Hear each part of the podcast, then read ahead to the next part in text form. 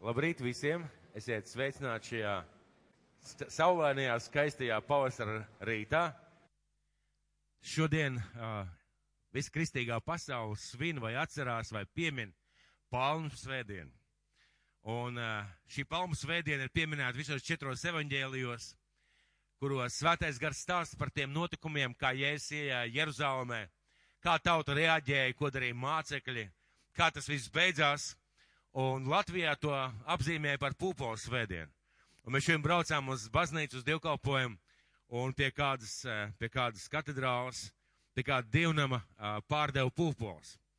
Un eh, es nezinu, kurā gadu simtā un kādā veidā tas ir ienācis, bet patiesībā tas ir viens un tas pats, jo Latvijā palmas neaug, diemžēl, bet neaug.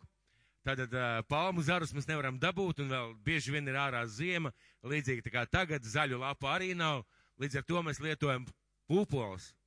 Un uh, man liekas, ka tam nav nekāda vaina, nekāda vaina šai tradīcijai. Protams, ir jāsaprot, ko darīt un kā darīt. Es zinu, ka šajā dienā daži pēr ar pūpoliem viens otru un saka tādus jocīgus vārdus.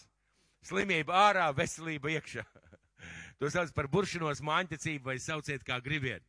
Bet uh, pūpoles svētdiena ir svētdiena, palmu svētdiena, svētdiena, kad uh, Jēzus iejāja Jeruzalemē ar triumfu, ar, ar tādu lielu pagodinājumu, uh, izdara kādas lietas, un uh, šī te nedēļa ievada Jēzus Kristus ciešana nedēļa. Un no šīs dienas sākās atskaitījums laikam, sešām pēdējām dienām, kuras Jēzus pavada šeit uz zemes savā zemes dzīvē. Un lasot šo svēta gara vēstījumu par notikumiem Jeruzalemē, apmēram 2000 gadus atpakaļ, var un vajag rasties jautājumam. Vajag un vajag, var un vajag rasties jautājumu. Vai tas ir vienkārši stāsts? Un tu varētu teikt, tā, hmm, interesants stāsts, interesanti notikumi, un palikt ārpus šī stāsta šiem notikumiem, nepievēršot tam īstu uzmanību. Vai varbūt kāds varētu teikt, vēsturisks notikums. Un tad varētu sākt pētīt, kā tas bija, kur tas bija, kāpēc tas bija, ko karš vārds nozīmē, kādā veidā mēs to varētu uh, redzēt, ieraudzīt un apspriest.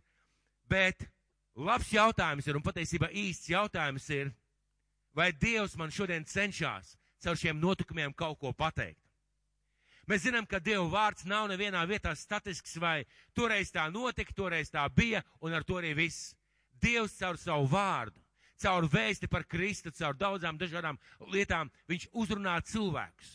Jā, tas ir svarīgi redzēt, kas tiem cilvēkiem tajā laikā šis vārds nozīmē, ko tas izdarīja un izveidoja viņu dzīvē, bet ir vēl svarīgāk, ir vēl svarīgāk saprast, ko Dievs caur šiem vārdiem pasaka man.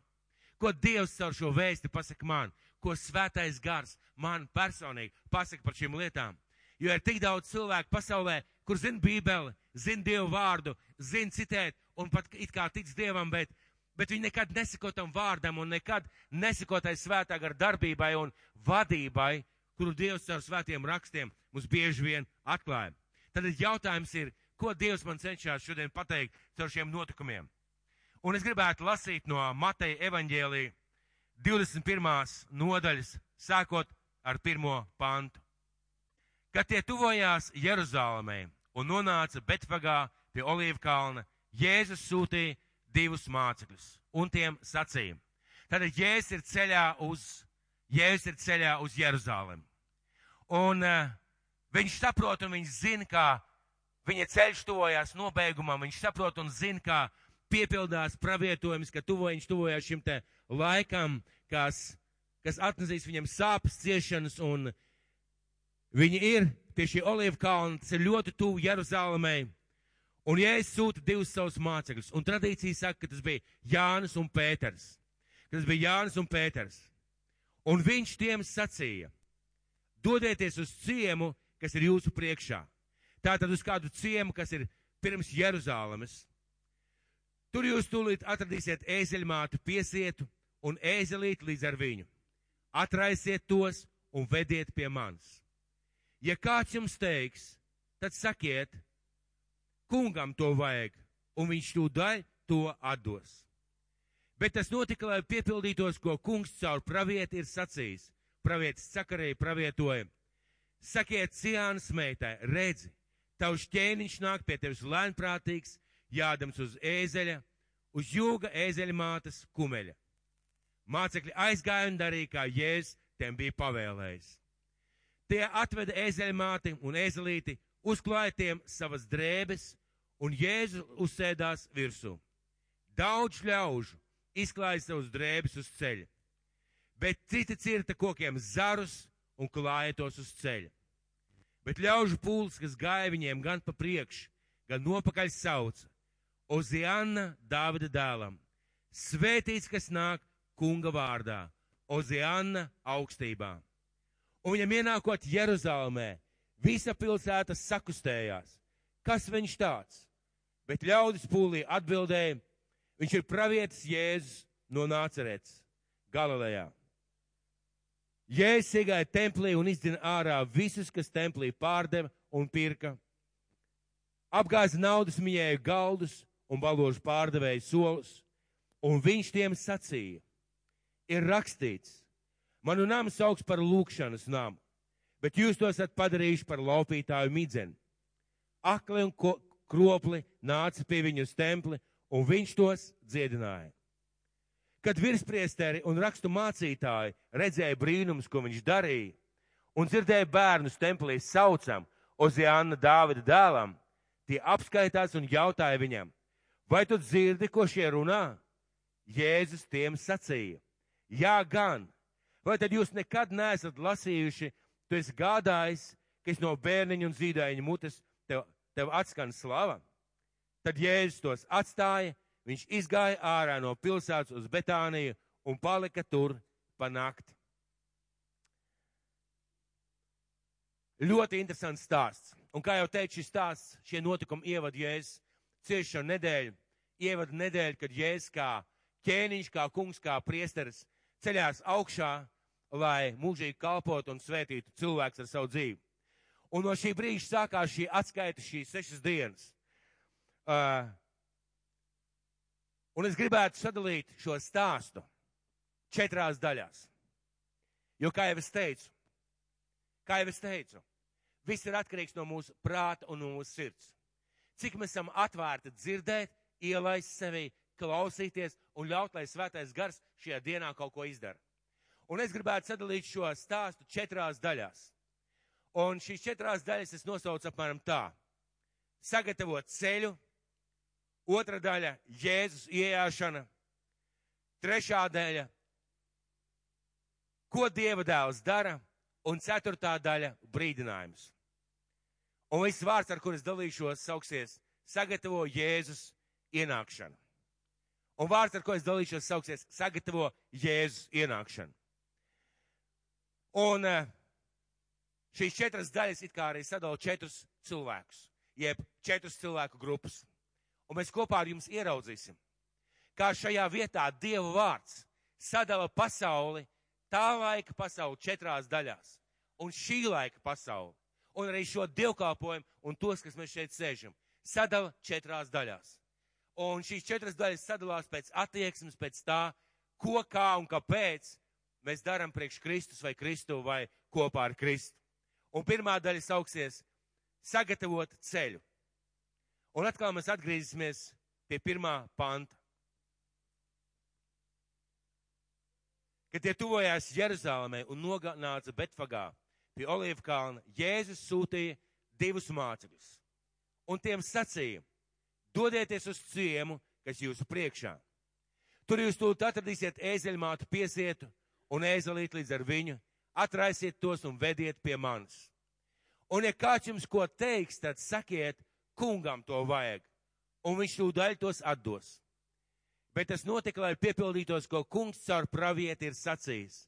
Sakiet, Ciānas meitai, redzi, tavs ķēniņš nāk pie tevis lēnprātīgs, jādams uz ēzeļa, uz jūga ēzeļa mātes kumeļa. Un mācekļi aizgāja un darīja, kā Jēzus tiem bija pavēlējis. Tie atveda ēzeļmāti un ēzelīti, uzklāja tiem savas drēbes, un Jēzus uzsēdās virsū. Jēzum bija vajadzīga viņa mācekļu palīdzība. Viņš uzrunā divus savus mācekļus, un mēs zinām, ka Dievs ir visvarans. Viņam viņš ir suverēns. Viņam nevajag, lai kāds viņam palīdzētu. Tajā nozīmē, ka viņš kaut ko nespēja. Bet viņš pats ir izvēlējies darboties caur mums cilvēkiem. Tā ir viņa izvēle. Viņš ir atnācis uz cilvēku pasauli un viņš vēlās, lai mēs, viņa mācekļi, būtu daļa no viņa darba. Lai mēs, viņa mācekļi, būtu daļa no viņa plāna. Un viņš sūta šos divus savus mācekļus, Jāni un Pēteru, kāda tradīcija saka, uh, un viņš saka šiem cilvēkiem, saka šiem cilvēkiem, aiziet uz miestu un tur jūs atradīsiet, un kas ir interesants, Jēzus zina, viņš nav bijis tajā miestā, tajā mirklī, tajā laikā, viņš zina, ka tur būs ēzelis un ēzeļa māte. Viņš zina, ka cilvēki uzdos jautājumu, kāpēc jūs to dariet, un viņš zina, kādai jābūt atbildēji. Un viņš saka saviem mācekļiem, ejiet un dariet to un atvediet. Un šeit es gribētu teikt, pieminēt mirkļa svarīgumu. Mirkļa svarīgums. Šajā vietā piepildās praviešu sakarīs pravietojums par Jēzus ieiešanu Jeruzalemē pirmajā reizē. Un ievērojiet, Jēzus saka šiem diviem cilvēkiem, izdariet to, kas varbūt viņiem tajā mirklī liekas neloģisks, varbūt pat jocīgs, varbūt pat nesaprotams. Jo Jēzus viņu sūta uz ciematu un saka, jūs ieiesiet un paņemiet ēzelīti un atvediet to man. Un ja kāds kaut ko jautās, sakiet, tam kungam to vajag. Un caur ko piepildās šis pravietojums? Jā, piepildās pravietojums, bet kas ir pravietojums? Pravietojums ir Dieva griba, Dieva plāns, pateikta ar vārdiem nākotnē uz priekšu. Un es gribu, lai mēs ieraugam šos divus cilvēkus, kuri nevis vienkārši sagaidīja Jēzus pravietojumu piepildīšanos, bet kur bija daļa šajā pravietojuma piepildīšanās. Reizē viņi bija daļa. Viņi bija daļa, viņi aktīvi piedalījās tajā.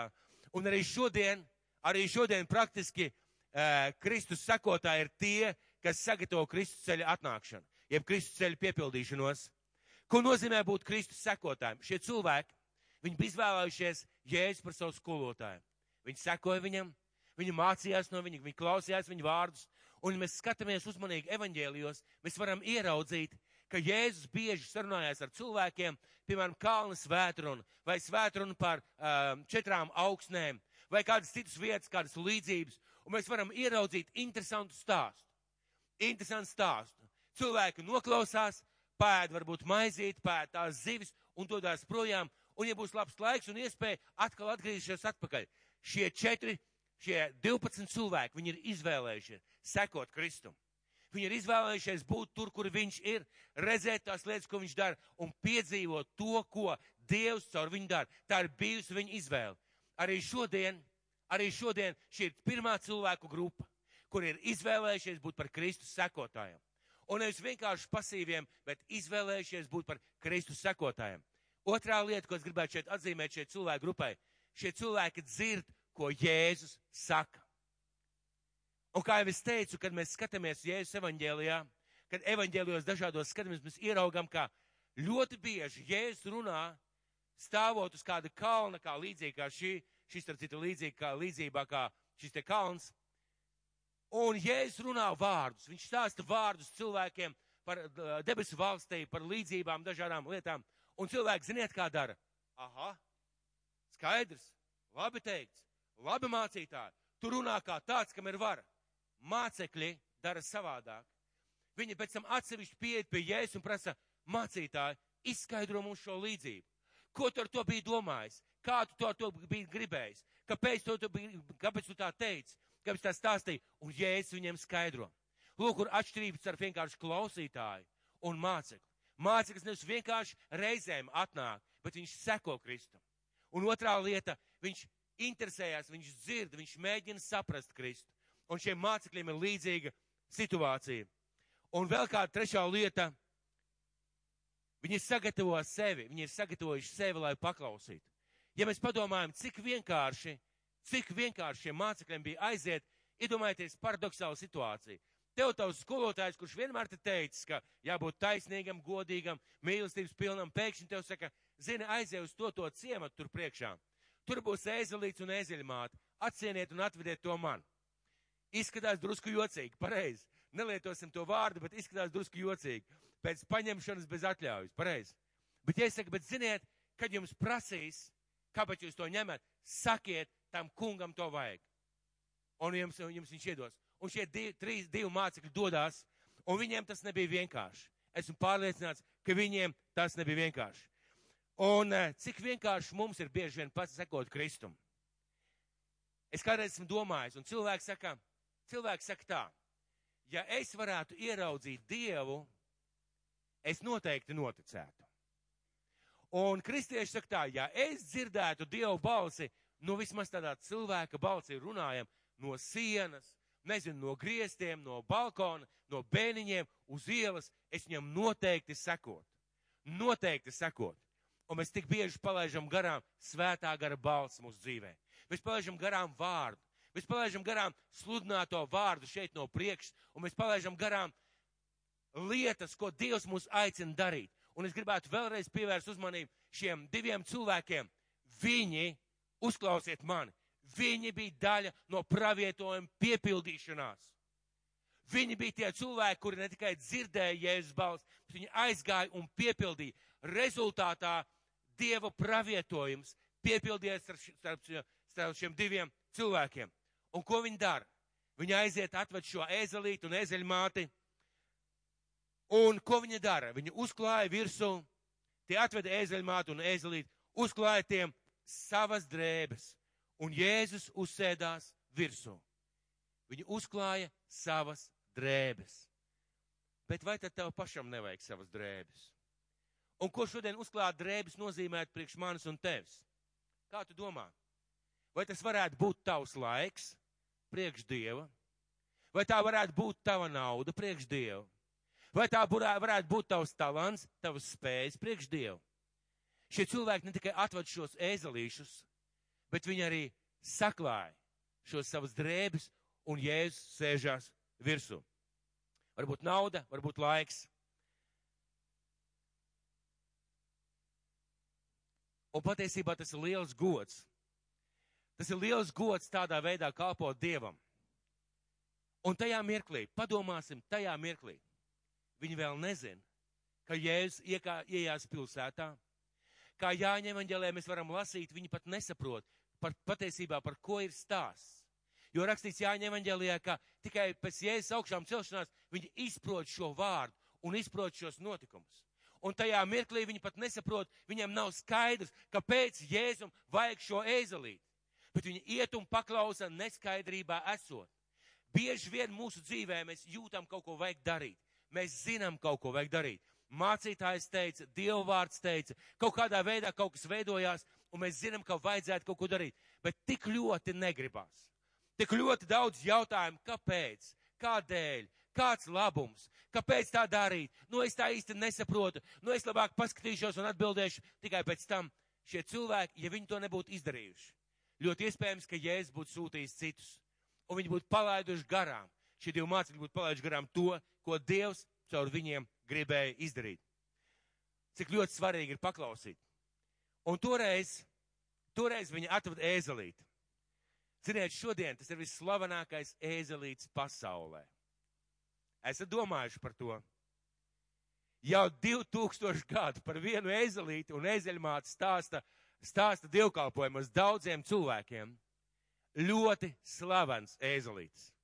Un toreiz viņiem likās vienkārši ezelīts, bet viņu paklausības dēļ. Tādēļ, ka Dievs viņus aicināja, ka viņi to darīja, šis ēzelīts kļuva ļoti slavens. Un es zinu, ka ir tādas lielas televīzijas kompānijas, CNL, TBN, kristīgās, kuras reizēm uzņem tādus tā kā seriālus vai pat ne seriālus, bet tādus dokumentālus stāstus par Jeruzālemi, par kalpošanu Jeruzālēmē, par notikumiem Jeruzālēmē. Un viņi parasti brauc uz turienu un filmē, sludinātāji tur staigā pa ielām, komentē tās ielas, tās mājas, tos notikumus. Un es zinu, kā mūsu draugs Sergejs Šidlovskis, tad, kad viņš bija Jeruzālēmē, ziniet, ko viņi izdarīja? Viņi teica, viņi stāvēja pie Jeruzālēmas uz šī te eļas kalna, ja nemaldos, un aizmugurē bija Jeruzālēma, un viņi filmēja, un garām iet cilvēks ar ēzelīti.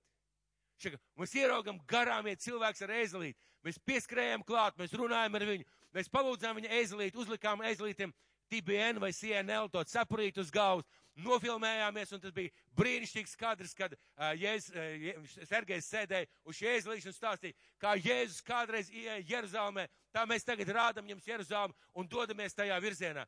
Visslavenākais ēzelīts visslavenākais vēzlīts. Un te mēs ieraugam, cik svarīgi ir paklausīt lietās, kuras tu varbūt pat nesaproti, kuras tev liekas varbūt, nu, tādas jocīgas, tādas jocīgas. Un, ja mēs skatāmies šodien ļoti praktiski, es zinu, ka cilvēkiem patīk teorētiski dievkalpojumi. Ir kāds, kam patīk teorētiski dievkalpojumi. Nu, tādi, kas mani neaizskar. Nu, kas tā kā īsti uz mani neatiecās. Ir kāds, kam patīk. Būsim godīgi. Visiem patīk. Dievkalpojumi, kuros labi runā, skaisti runā, iedvesmojuši runā, bet uz mani tas īsti neatiecās, man dzīve tas neaizskar. Pareizi? Ļoti, la, ļoti labi dievkalpojumi. Izej ārā, fu, tas tik bija piedzīvojums, vai dzīvē kaut kas mainījās? Pilnīgi nekas. Tad lūk, tad lūk, runājot ļoti praktiski par šīm lietām, es gribētu minēt kādu ļoti praktisku piemēru šajā sakrībā. Kā jums tas viss patīk? Kāds teiks nepatīk? Kā jums tas viss patīk? Bet sākās no kā? Sākās no tā, ka bija jocīga ideja. Mums vajadzētu pārtaisīt skatuvi. Mums vajadzētu pārtaisīt zāli par jocīga ideja. Un es dzirdēju dažādus viedokļus, ka kāpēc naudu tērēt, tāpat ir labi, un kāpēc tā, un kāpēc šitā, un kāpēc krusts ir lausts. Redziet, mēs vienkārši uztaisījām liekumu. Krusts vairs nav lausts. Tik daudz dažādu viedokļu un dažādas idejas, bet sākās tas ar redzējumu no Dieva. Sākās ar redzējumu no Dieva, ar šo, es teiktu, svēto neapmierinātību. Dievs, mums vajag kaut ko labāku. Mums vajag, lai labāka skaņa, mums vajag, lai labāk izskatās, mums vajag, lai Dievs, lai tavs krusts paceļās virs galvām. Un tagad, kad mēs to pie tā vēl strādāsim, kad mēs izgaismosim šo krustu, kad mēs uzbūvēsim krustu pakājā kalna, jūs redzēsiet, tas būs pravietiski. Tas būs pravietiski, un es ticu, ka šī draudze dzīvos Jēzus Kristus, krusta un krusta uzvaras pavēnī. Ka šeit notiks zīmes un brīnum un brīnišķīgas lietas, un jau daudz kas notiek.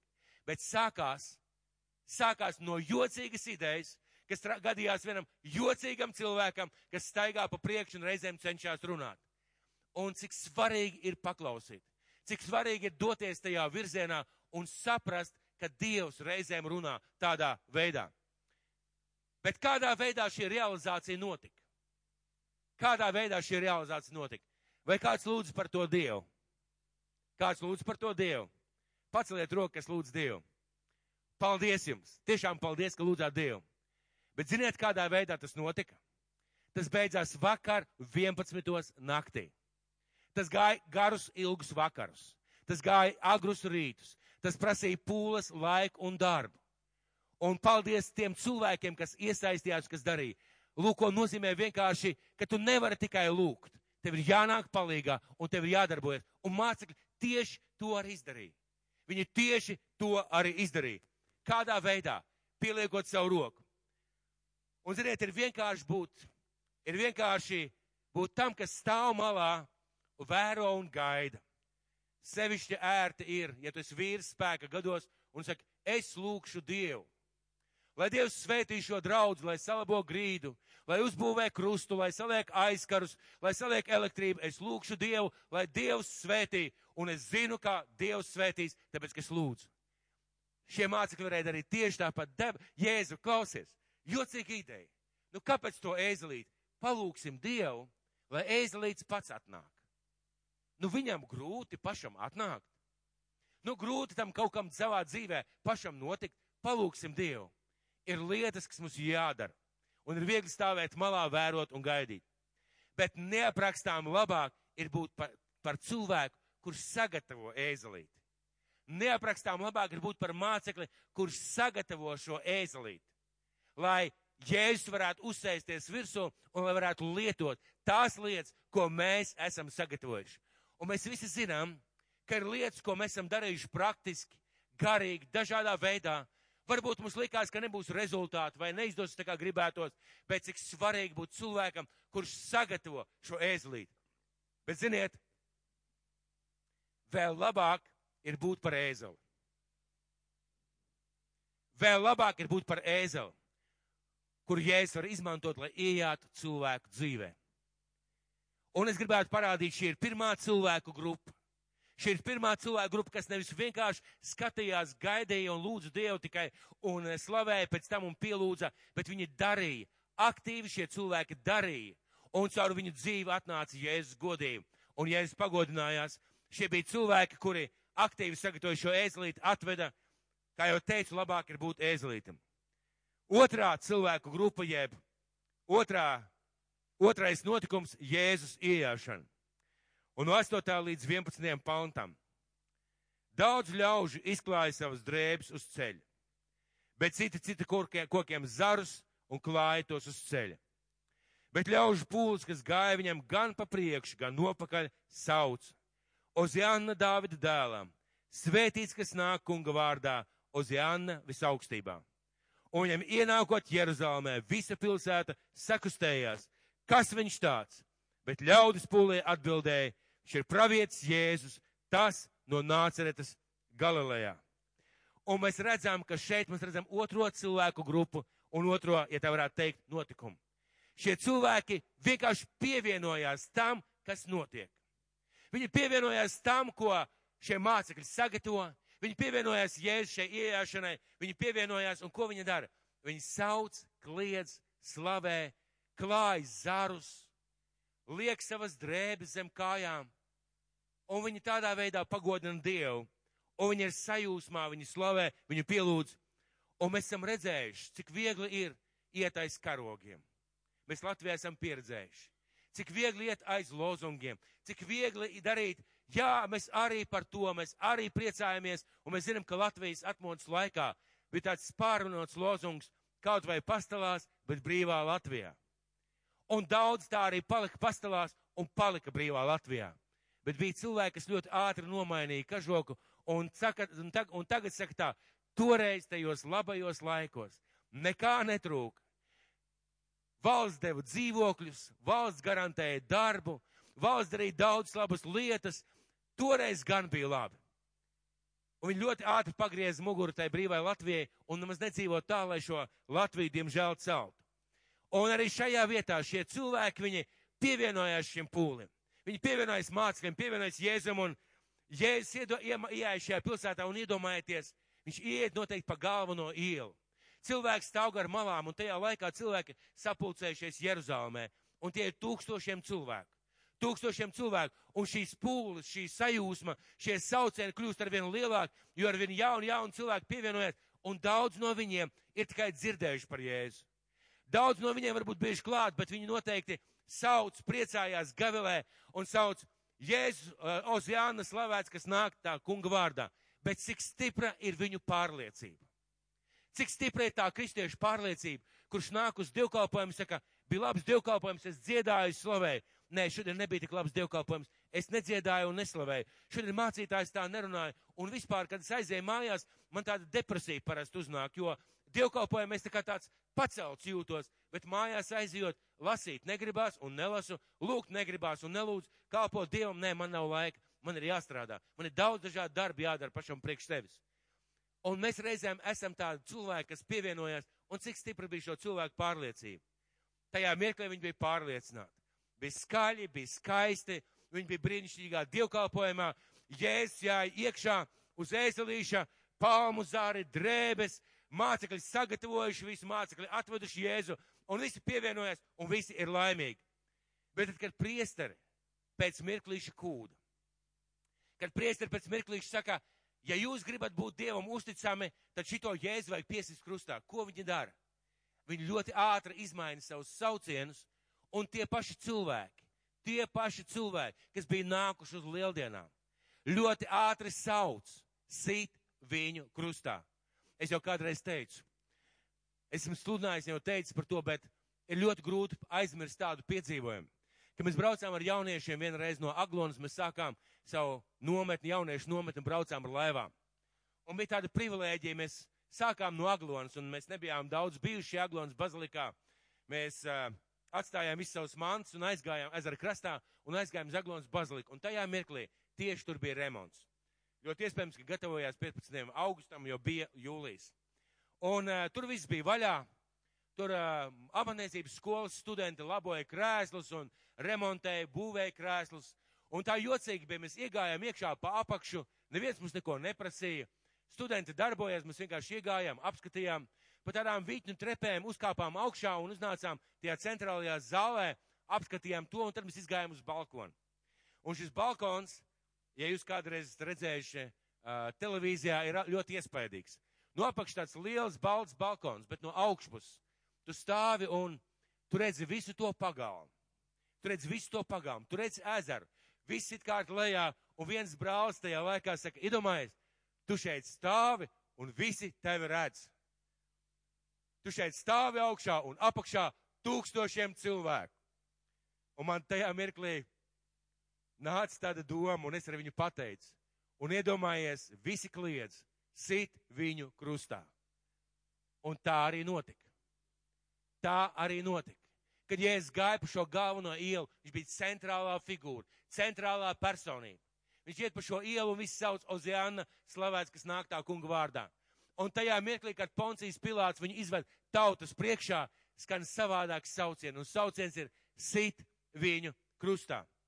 Un cik stipra ir mūsu pārliecība, ka viņš mans kungs un dievs, ir viegli to teikt dievkalpojumā. Ir viegli to teikt slavēšanas dievkalpojumā vai pielūgsmes dievkalpojumā, un reizēm cilvēki par to nedara. Bet ir pavisam cita lieta savā dzīvē, ar savu darbu, ar savu paklausību aiziet atvest ēzelīti. Ir pavisam cita lieta uzklāt savas drēbes, lai jēzus tiktu pagodināts. Ir pavisam cita lieta klausīties jēzus vārdos un sekot viņam un ejot tajos kompromisos, ko pasaule un ko dzīve mums piedāvā. Tā ir pavisam cita lieta. Un mūsu dzīvē ir viegli pieņemt Kristu. Bet Dievs saka, mums ir jāpaliek šajā pārliecībā. Trešā daļa, jeb trešā lieta, par ko es gribētu runāt, ko Dieva dēls dara. Ko viņš dara, ka viņš iet šajā Jeruzalemē? Un šī Jeruzaleme, šī pilsēta, šis templis, tas simbolizē mūsu dzīvi. Tas simbolizē mūsu dzīvi, mūsu kā personības, mūsu dzīves, mūsu laiku, ko Dievs mums atvēlēs šeit uz zemes. Viņš ienāk iekšā un lūk, ko viņš dara. 12. pants. Jēzus iegāja templī un izzināja visus, kas templī pārdeva un pirka. Apgāza naudas mījēja galdus un baložu pārdevēja solus. Viņš tiem sacīja, ir rakstīts manu namu sauks par lūkšanas namu, bet jūs to esat padarījuši par laupītāju, midzeni. Ko Jēzus dara, kad viņš ienāk mūsu dzīvē? Ja viņš pa īstam ienāk mūsu dzīvē, pa īstam, tad, ziniet, tur nepaliek pāri daudz no vecā, no vecām tradīcijām, lietām un domām. Jēzus sāk visu mainīt. Mums ir viena tendence. Dievs ienāk mūsu dzīvē, Viņš izmaina mūsu prātu, mūsu domāšanu, mūsu vērtības, bet mums ir viena tendence stiept atkal atpakaļ visu to savā dzīvē. Stiept atpakaļ tirgošanos, visas šīs lietas, kas bija tajā namā. Ja es iet un dzen ārā, viņš dzen ārā visas nepareizās lietas, nepiedošana, ambīcijas, nepareizas lietas, sautīgumu, Jēzus dzen to visu ārā. Un mēs reizēm cenšamies iestiept atpakaļ iekšā, bet viņš dzen ārā. Kāpēc? Jo tikai tad, kad tavs nams un templis ir iztīrīts, tikai tad Dieva godība tev var atnākt. Tikai tad Dieva miers var ienākt tavā dzīvē. Tikai tad var atnākt tas, kas izmaina tevi. Un Jēzus izdzen, un cik vienkārši bija šiem farizējiem, cik vienkārši bija šiem teoloģiski izglītotiem cilvēkiem noskatīties, ka, ja es apgāju šos galdus, un es jau vienam no iepriekšējiem dievkalpojumiem runāju, tas izskatījās noteikti traki. Nu, izskatījās pavisam ne pēc dievu prāta. Nu, izskatījās ne pavisam tik vienkārši. Iedomājieties, viņš iet iekšā šajā templī. Un šajā pagalmā, pagānu pagalmā ir savesti lopi. Un kāds noteikti tirgojās ar šo lopu pārdevēju. Kāds noteikti uztraucās, ka par dārgu pārdod. Kāds zūdās par to, ka ir jāmaksā templi nodoklis. Kāds turpat mēģina blakus lūgt Dievu. Turpat lopiņa mauj. Es nezinu, kāds vēl tur nokārtojās pa starpai. Pilnīgs haus. Es ienāk iekšā un dzēn visu ārā. Un tas bieži vien ir mūsu dzīvē, kad mēs atnākam pie Dieva. Bet nav jau tā, ka Dievs spēja visu reizi iztīrīt ārā no mums. Viņš nespēja. Ziniet, kāpēc? Jo mēs visu laiku cenšamies atkal kaut ko ievilkt iekšā. Vienreiz es piedevu, nākušā reizē jau tā kā grūtāk piedot. Vienreiz Dievs man pateica, noklājas savas drēbes pie, pie manām kājām, bet nākušais saka, nē, nē, šoreiz Jēzus savas drēbes neklāšu. Šoreiz, lai kāds cits noklāja, šoreiz, lai kāds cits kaut ko izdara.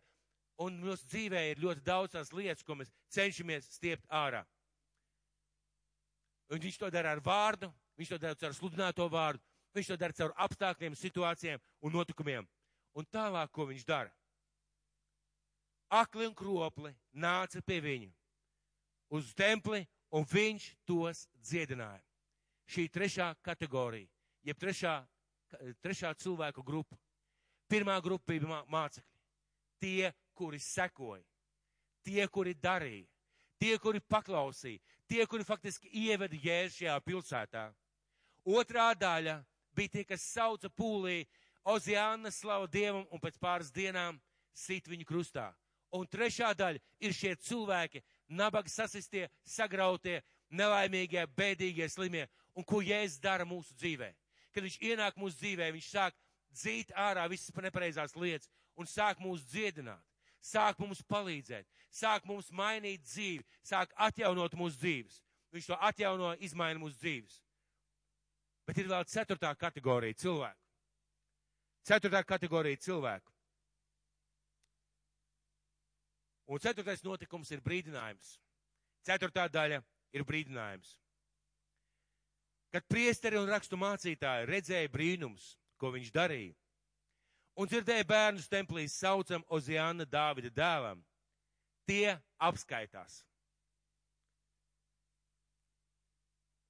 Un jautāja viņam, vai tu dzirdi, ko šie runā?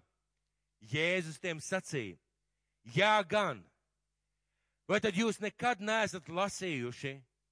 Tu esi gādājis, ka no bērniņu un zīdaiņu mutes tev atskan slava. Un šī ceturtā kategorija cilvēku. Un mēs noteikti sevi neieskaitam šajā ceturtajā kategorijā. Es domāju, ka mēs negribētu būt šī ceturtā kategorija. Diemžēl šodien šis jautājums ir tev un man. Varbūt, ka tomēr mēs kādā mirklī esam šī ceturtā kategorija. Dievs tā nevar darboties. Dievs tā nedarbojās. Dievs darbojās pagātnē, varbūt darbosies nākotnē, bet tagad nē. Caur to cilvēku nē, caur šiem apstākļiem nē. Tas tā nevar būt. Es tam nepakļaujos, es nepaklausu, es tādā veidā nē. Un kad Dievs bieži vien runā, mēs sakam Dievam, Dievs tā nevar būt. To darīja šie cilvēki. Viņi bija šī ceturtā kategorija cilvēki, kas redzot pat, ko Dievs darīja. Viņi palika akli, mēmi, kurli un aizslēgti. Jo Dievs tā nerīkojās.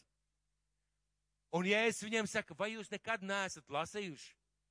No bērniņa un zīdaiņa mutes es jau slavu esmu sagādājis. Un runa ir par pravietojumu, ko kas, kas atskanēja pravietojumā, ja nemaldos caur Dāvidu. Kas bija šie bērniņi un zīdaiņi? Šie cilvēki, kas kliedz, kas sauca šie mazie cilvēki, šie vienkāršie cilvēki, šie Vienkāršie cilvēki, kas noticēja Jēzus vārdam un nāca, lai viņš viņus dziedinātu, aizskart un izmainītu viņu dzīves. Tie, kuriem nevarēja pateikt, tam ir augsta teoloģiska izglītība, vai viņš kaut ko dzīvē ir sasniedzis. Un šie farizēji, viņi joprojām paliek uh, aizslēgti pret Dievu. Un 17. pants, tas ir brīdinājums. Tad Jēzus tos atstāja, viņš izgāja ārā no pilsētas uz Betāniju un palika tur pa nakti ir viena lieta. Ir viena lieta, kas var notikt mūsu dzīvē. Un nedod Dievs, ka tā piepildās. Ja mēs nostājamies ticīgi būdami bieži vien par Dieva ienaidniekiem, mēs piedzīvojam sakāvi un zaudējumu. Mēs piedzīvojam to, ka Dievs mūs kaut kādā veidā atstāja. Es esmu redzējis ar savām acīm, un es cenšos to uzmanīt savā dzīvē un skatīties uz sevi. Kā cilvēki savas spītības, savas nepaklausības, savas iedomības, lepnības un nepiedošanas dēļ pazaudē savu aicinājumu. Palaiž garām to vienreizējo iespēju, ko Dievs caur viņiem gribēja izdarīt. Un Dievs bieži vien atrod citus cilvēkus, Dievs bieži vien ieliek citus cilvēkus, bet tu pat neapjaut un nesaproti, ka tu palaidz garām savu vienīgo un īsto iespēju, kad Dievs gribēja tevi lietot, kad Dievs gribēja tevi svētīt. Varbūt ne tā, kā tu domāji, varbūt ne tādā veidā Dievs gribēja tevi svētīt un lietot. Un tāpēc paldies tiem cilvēkiem, kas reizēm skrien Dievam pa priekšu. Un vēlreiz atkārtoši, nebaidieties skriet Dievam pa priekšu. Jo tā ir dedzība, ko Dievs svētī un apbalvo un palīdz mums nostāties uz kājām. Nebaidieties skriet Dievam pa priekšu. Ir cik šausmīgi būt tajā situācijā, kad Dievs tevi atstāja. kad Dievs tevi atstāja. Un es priecājos par to, kas šobrīd šeit ir tapis. Un es jau tagad priecājos par to, ka šeit taps pēc kādu laika. Un ziniet, ko es jums gribētu teikt? Vīri. Es zinu, ka mums, es jau kā jau sākumā teicu, mums nepatīk dievkalpojumi, kas skar mūs personīgi. Mums patīk vispārējais Dieva vārds. Vīri un sievas. Es domāju, ka pagājušā sestdiena bija kā šī drēbju noklāšana. Bija kā šī ēzelīša atvešana, lai mēs sagatavoties šiem svētkiem. Un paldies visiem, kuri atnāca. Jūs izmantojāt savu iespēju. Un paldies tiem vīriem, kas šeit zāģēja, būvēja, sita un līmēja.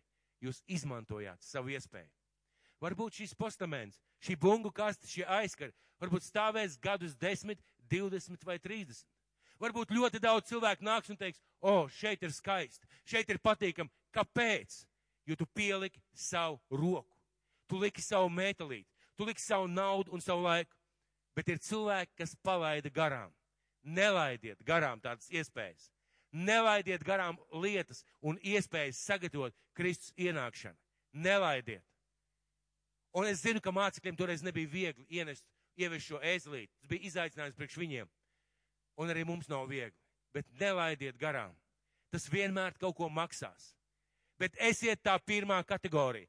Pirmā kategorija. Sagatavoja Kristus ienākšanu. Viņa ieved, ja varētu teikt, Jēzus šajā pilsētā. Otrā kategorija vienkārši piedalījās un, slav, un teica, labi izskatās, skaisti, brīnišķīgi mācītāji. Trešā daļa bija tie, kuri nāca un saņēma. Paldies Dievam par viņiem. Bet mēs neesam aicināti vienmēr un tikai saņemt. Un bija šī ceturtā daļa, kas nostājās pozā un teica, nē, Dievs tā nestrādā. Un kā rezultāts, tad Jēzus tos atstāja un viņš izgāja ārā no pilsētas uz Betāniju un palika tur pa nakti. Jēzus viņus atstāja. Šie cilvēki tā arī nesaprata, ko Dievs gribēja izdarīt. Viņi tā arī nesaprata. Mēs reizēm nesaprotam. Šie cilvēki piesita, tā teikt, ar saviem vārdiem Jēzus krustā. Un mēs bieži vien apslāpējam svēto garu. Šie cilvēki pazaudēja Dievu klātbūtni un brīnišķīgu iespēju būt Dievu lieciniekiem un Dievu darbu darītājiem. Un mēs bieži vien tā varam to pazaudēt. Četras cilvēku grupas. Bet labāk būt par tiem, kas sagatavo Jēzus atnākšanu. Mēs tuvojamies lieldienām. Mēs tuvojamies lieldienām. Un atkal ir viens izaicinājums. Un atkal ir viens izaicinājums. Sagatavot Kristus ienākšanu kāda cilvēka dzīvē. Sagatavot Kristus ienākšanu šajā zālē, šajā dievkalpojumā. Sagatavot Kristus ienākšanu kādu cilvēku dzīvē. Atkal ir izaicinājums. Un kā es jau teicu iepriekš, ir fantastiski būt par cilvēku, kurš sagatavo Kristus ienākšanu. Un vēl labāk ir būt par ēzelīti. Un vēl labāk būt par ēzelīti. Sagatavosim savu sirdi šiem lieldienām. Mīļie, mēs dosimies mājās. Ir palikušas vēl četras, piecas, sešas dienas līdz lieldienām. Sagatavosim savu sirdi. Jo šeit runa arī par sagatavošanos personīgi. Mēs varam šīs dienas pavadīt tādās rūpēs par visu kaut ko, par visādām vajadzībām un visādām lietām. Un es nesaku neiet uz darbu. Es nesaku atlikt, atlikt bērnu barošanu vai rūpes par ģimeni. Es to nesaku. Es runāju par iekšieni sagatavo savu iekšējo cilvēku, lai Jēzus var ienākt tavā pilsētā. Sagatavo šo laiku. Velti tam laiku. Un otra lieta. Otra lieta. Mums vēl šeit diezgan daudz, kas jādara. Mums vajadzētu šeit pakārt šīs tumbas pie griestiem. Mums vajag pakārt šeit aizkarus. Mums vajag salabot šeit grīdu, salabot sienas. Mums vajag šeit piekārt ekrānu, lai mēs vārdus varam lasīt.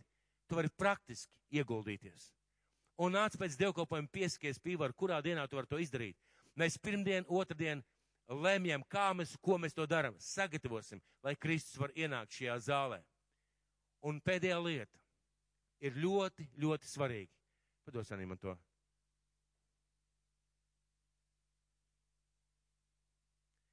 Jūs atradīsiet visu šādu ielūgumu un pie loga ir pielikts plakāts. šāds ielūgums.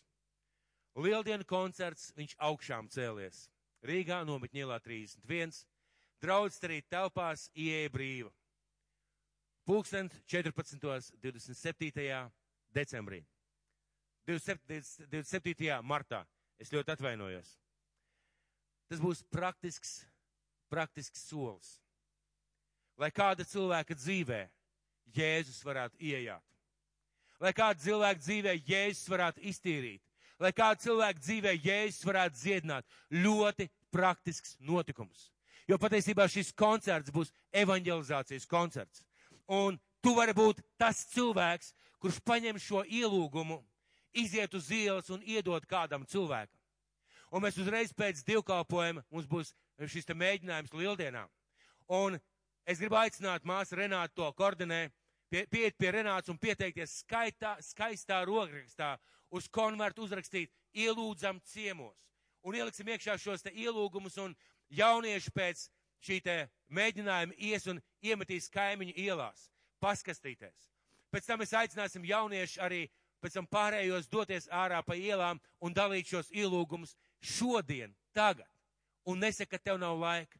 Un tu vari paņemt divus, trīs vai piecus, aiznes mājās, aiznes saviem kaimiņiem, iedot saviem cilvēkiem un nesaki, tas nestrādā. Ja tu to nedarīsi, tas tiešām nestrādās. Ja tu neiespēši, nu nevedīsi šo ēzelīti, tas ēzelīts zem jēzus apakšā pats neparādīsies. Tu to dari. Un mēs gribam šo koncertu, šo koncertu e, izveidot par, par, par evanģelizācijas pasākumu, ceru, ko Jēzus var ienākt kāda cilvēka dzīvē. Un tas būs ļoti praktiski un ļoti, manuprāt, mērtiecīgi. Un ziniet, kas būs ēzelīši? Viņi to vēl nezina. Mēs varam būt ēzelīši. Mēs pirmām kārtām sagaidīsim cilvēkus. Esmu aicinājis, un tagad draudz paklausīties, esmu aicinājis visu kalpošanu vadītājus būt par viesmīlības kalpotājiem. Tas nozīmē, ka mēs nevis ar savu draugu, draudzeni vai savu sola biedru runāsimies pirms dievkalpojuma un pēc dievkalpojuma pārspriedīsim. Nē, tie, kas mēs sevi uzskatām par kalpošanu vadītājiem, un tie, kas sevi uzskata par kalpotājiem, sagaidīsim šos cilvēkus, runāsim ar viņiem, pateiksim, ka mēs priecājamies viņus redzēt, būsim šie ēzlīši šeit pie durvīm, un jaunieši un vēl māsas variet palīgā Ilonai kafejnīcā, jo pēc šī koncerta mums būs kafijas un cepumu pauze, jeb tāda sadraudzība. Pirms dievkalpojuma, pirms šī koncerta, koncerta laikā, pašā pašā sākumā, jāsanes krēsli, jāsaliek galdi, jāsaklāj šis galds. Un tu būsi reāls ēzelīts tajā, lai Jēzus var ienākt kā cilvēka dzīvē. Un lielākie ēzelīši būs mūsu muzikanti. Jo ziniet, ko mēs izdarīsim? Mēs sagatavosim to visu. Mēs saklāsim to visu. Mēs sagatavosim šeit visu. Aiznesīsim ielūgumus, izdalīsim cilvēkiem. Un, kad cilvēks sanāks, mēs teiksim, cienījamie mūziķi, atnesiet Kristu šajā zālē. Jā, es runāšu, teikšu pāris vārdus. Tas būs viņu uzdevums. Ienest un izdzīvot šīs lieldienas caur savām dziesmām. Un ticiet man, tas nav vienkārši. Īstenībā mūsiem esmu teicis, tas nebūs koncerts jūsu pra, uh, tradicionālajā izpratnē. Jums caur dziesmām ir jāizdzīvo lieldienas. Jums caur dziesmām ir jāizdzīvo Kristus un viņa nopelns jūsu personīgajā dzīvē. Un viņi būs šie ēzelīši, un es ticu, Es ticu, ka būs cilvēki, kas nevis vienkārši sauks un klieks Oziāna Dāvida dēlam, bet ka būs cilvēki, kurus Dievs dziedinās, aizskars, pieskarsies viņu dzīvē. Un mēs zinām, ka mēs pēc koncerta savāksim šos labprātīgos ziedojumus kalpošanai cilvēkiem ar, ar kustību traucējumiem. Nezinu, kā jūs, mēs diezgan daudz redzējuši šos cilvēkus. Un kad es biju šajā šīs kalpošanas nometnē, tur bija vairāk kā 25, 30 cilvēki ratiņu krēslos teikšu godīgi. Gribās raudāt par divām lietām. Raudāt par to, ka tie, tie cilvēki tiešām ir pamesti un aizmirsti. Un kristieši kliedz Oziāna slaudiem un bieži vien neko nedara. Un man gribējās raudāt no aizkustinājuma par to, kā šī kalpošana rūpējās par viņiem, kā viņi gādā par viņiem kā viņi ved viņus cauri kāpām uz jūrmālu, lai tas cilvēks varbūt vienreiz mūžā vai pirmoreiz mūžā iebraukt ar ratiņiem jūrā. Tāpēc sagatavosim arī šos ziedojumus šim ratiņkrēslu busiņojumam piemērotiem uh, pirkšanai. Sagatavosim šos ziedojumus. Kāpēc par to runāju? Viena iemesla dēļ. Dieva vārds nav vienkārši. Mēs noklausījāmies un aizgājām. Bija skaista palmu svētdiena, nosvinējām, pateicām Oziāna, brīnišķīgi, tuvojās lieldienu laiks. Šis lieldienu laiks mūs sagatavo.